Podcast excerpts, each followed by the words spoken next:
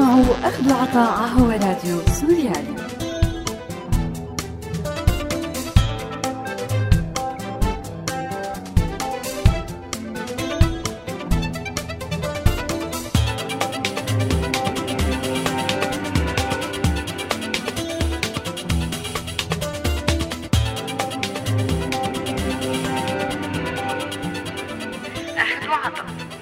مرحبا. وأهلا وسهلا فيكم مستمعينا بحلقة جديدة من برنامج أخذ وعطاء على راديو سوريالي. معي أنا رنيم داغستاني.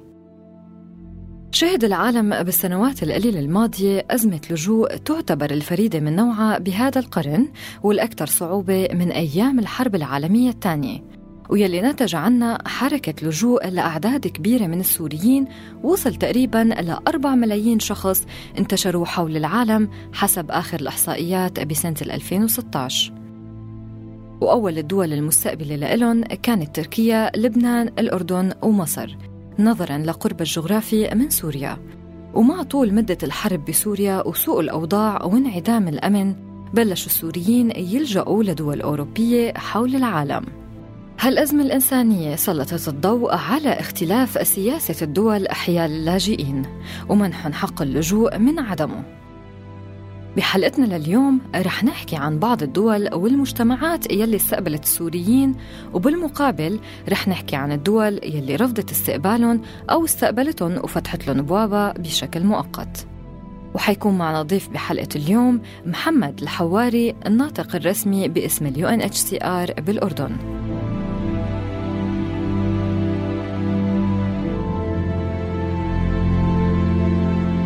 في كتير من الاتفاقيات يلي موقع عليها كتير بلدان لتستقبل لاجئين وتعطيهم كافة الحقوق وتنظم آليات استقبالهم.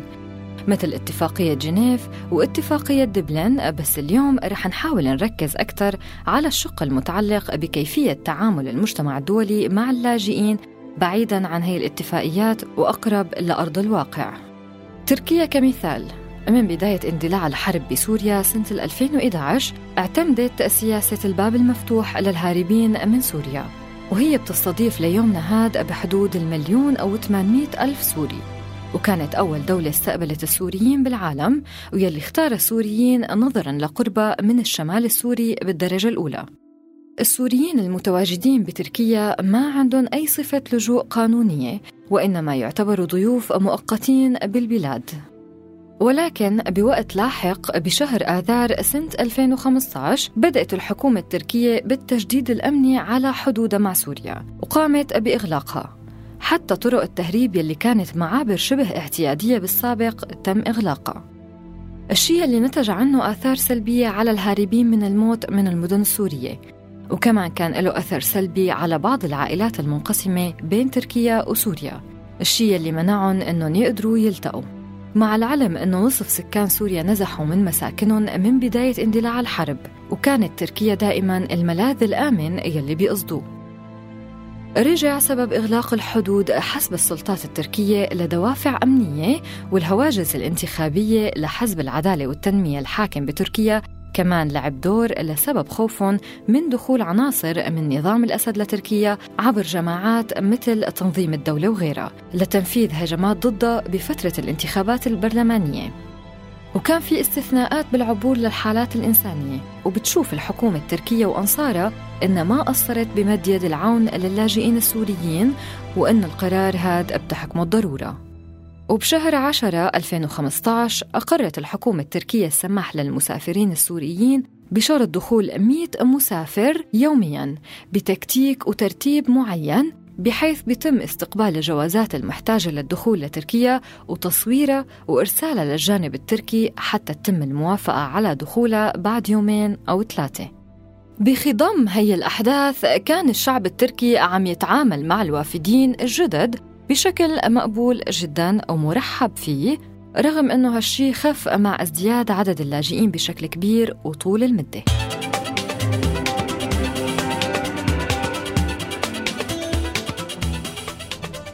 الفارين من الجنوب والوسط السوري فكان الأقرب لهم الأردن وكانت الحدود السورية الأردنية مفتوحة بأول فترة.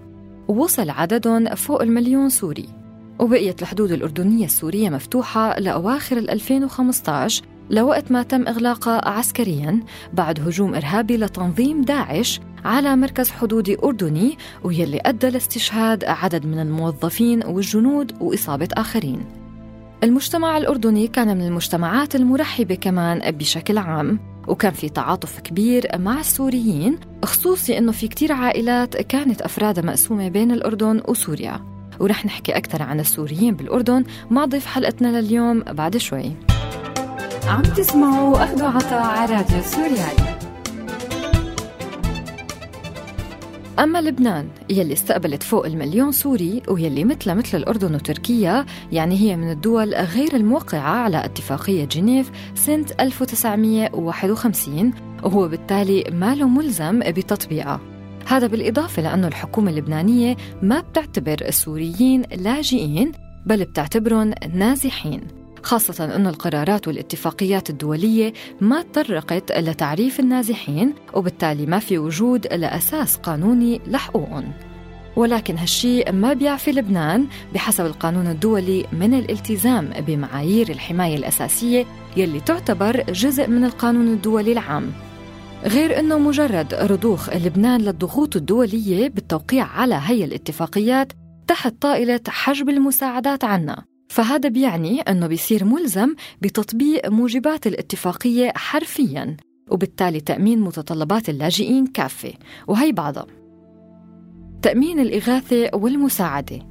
تأمين التعليم للأطفال، حق العمل المأجور، اتخاذ تدابير لمساواة حقوق جميع اللاجئين بحقوق مواطني الدولة من حيث العمل المأجور، إصدار بطاقة هوية شخصية ووثائق سفر، ولا يجوز للدولة أنه تطرد لاجئ للحدود الأقاليم. ومنح اللاجئين المقيمين بصورة نظامية بالدولة نفس المعاملة الممنوحة للمواطنين من حيث الأجر، الضمان الاجتماعي، الإعانة الحكومية، تعويض عن الوفاة. المجتمع اللبناني. كان آراءه الأوضح والأكثر مباشرة بسبب تفككه لأسباب سياسية وطائفية وعدم وجود استقرار بالاقتصاد والبنى التحتية من طرف ومن طرف ثاني دخول حوالي المليون سوري على بلد سكانه 2 مليون. وبالتالي كان وما زال عند اللبنانيين ردود فعل مختلفة على موضوع اللاجئين والنازحين. وهي الردود تراوحت بين الدعم لأقصى الحدود والرفض والمهاجمة خاصة لفكرة عمل السوريين تحت الاعتقاد أنه عمل السوريين عم بيأثر سلبا على عمالة اللبنانيين أما بدول الخليج فبتقول الإحصائيات أنه عدد اللاجئين وتحديدا بالسعودية والإمارات العربية المتحدة والكويت وقطر والبحرين صفر.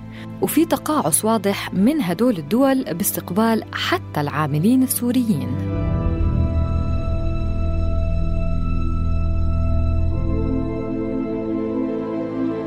أما الدول الأوروبية ففي البعض منا منع تدفق اللاجئين إلى بعد عدة أحداث طارئة وتم إصدار قرارات واتفاقيات جديدة على أثرها يعني مثلا بعد أحداث تفجيرات فرنسا سنة 2015 كتير دول أوروبية سكرت حدودها مثل دول البلقان والمجر وكمان اعتقلت المجر أكثر من 7000 من اللاجئين.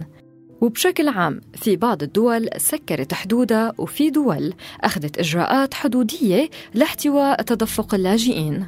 وظهر بعض المحتجين قاموا بحرق مخيمات اللجوء بفرنسا بعد الهجمات.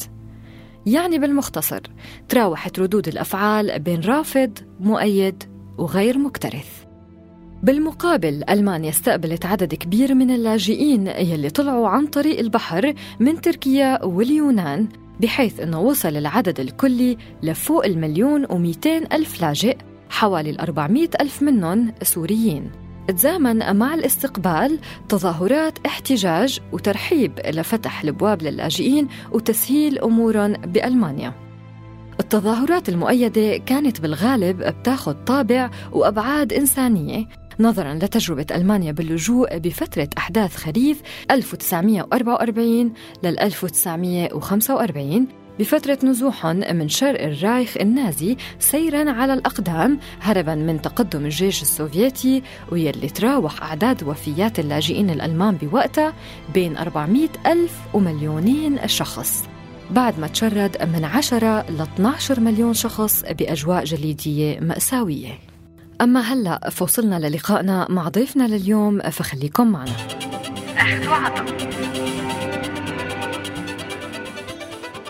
ضيفنا لليوم محمد الحواري الناطق الرسمي باسم ال UNHCR بالأردن. أهلا وسهلا محمد. أهلا فيك مساء الخير. مساء النور. محمد كم سجلت ال UNHCR بالأردن طلبات لجوء من بداية الحرب السورية لهلا؟ وهل وهل الأرقام يلي مسجلتها بيشمل كل سوري داخل أراضي المملكة الأردنية أو لا؟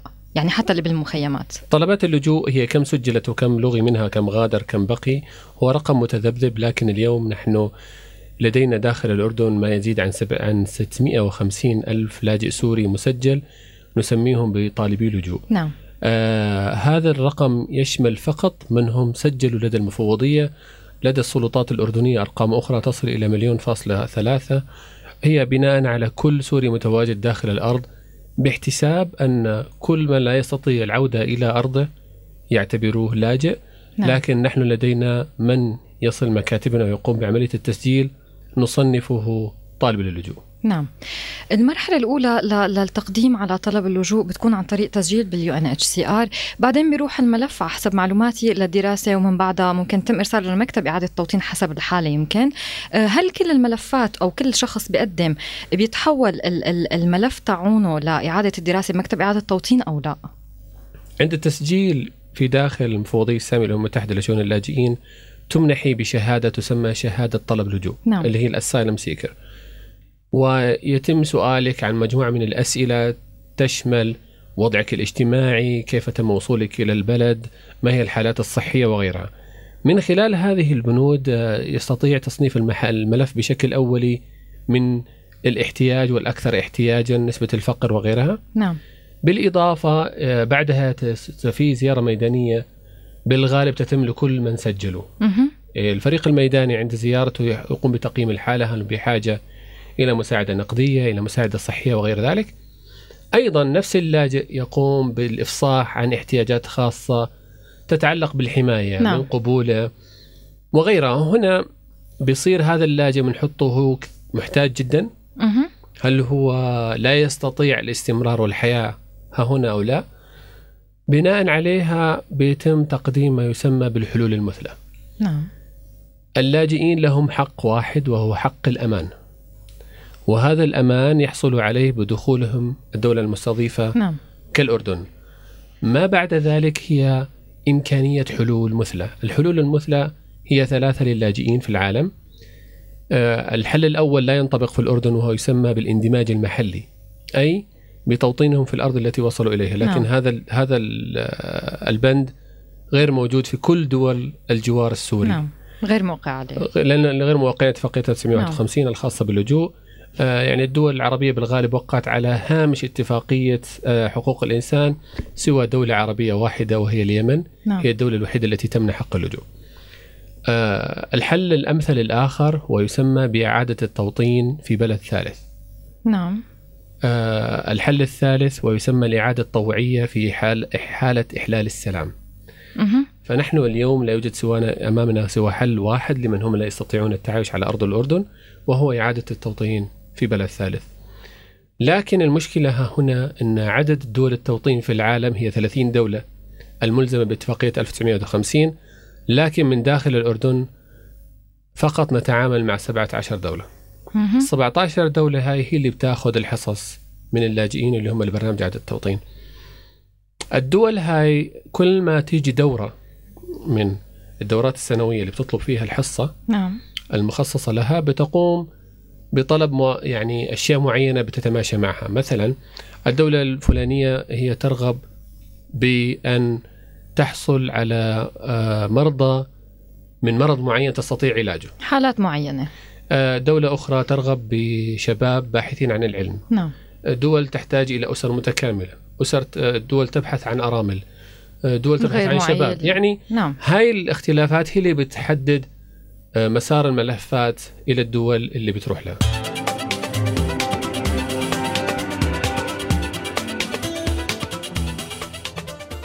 ظاهرة اللاجئين قديمة قدم التاريخ المكتوب على الأقل وللجوء عوامل عديدة مثل الجوع، سياسات الدول، الحروب والاضطهاد. وعرف القرن الثامن عشر موجة كبيرة من الهجرة وكانت لأسباب إيديولوجية فاندلاع الثورة الفرنسية والإرهاب يلي رافقها أدى لنزوح 150 ألف فرنسي يعني نحو 6% من السكان وطلبوا اللجوء بالبلدان الأوروبية المجاورة. وكمان الحرب الدائرة بين الشعب الشركسي والقوات الروسية الغازية بمعاونة من مجامع المرتزقة القوزاق. ويلي أدى لإبادة وتهجير قسري للشعب الشركسي لعدة دول مثل تركيا، سوريا، الأردن، العراق وفلسطين وغيرهم.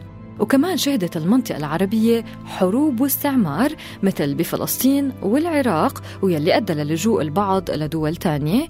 وكان دائما في مؤيدين ومعارضين لتواجد اللاجئين ببلادهم.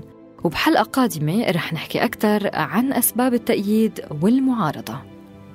سلام.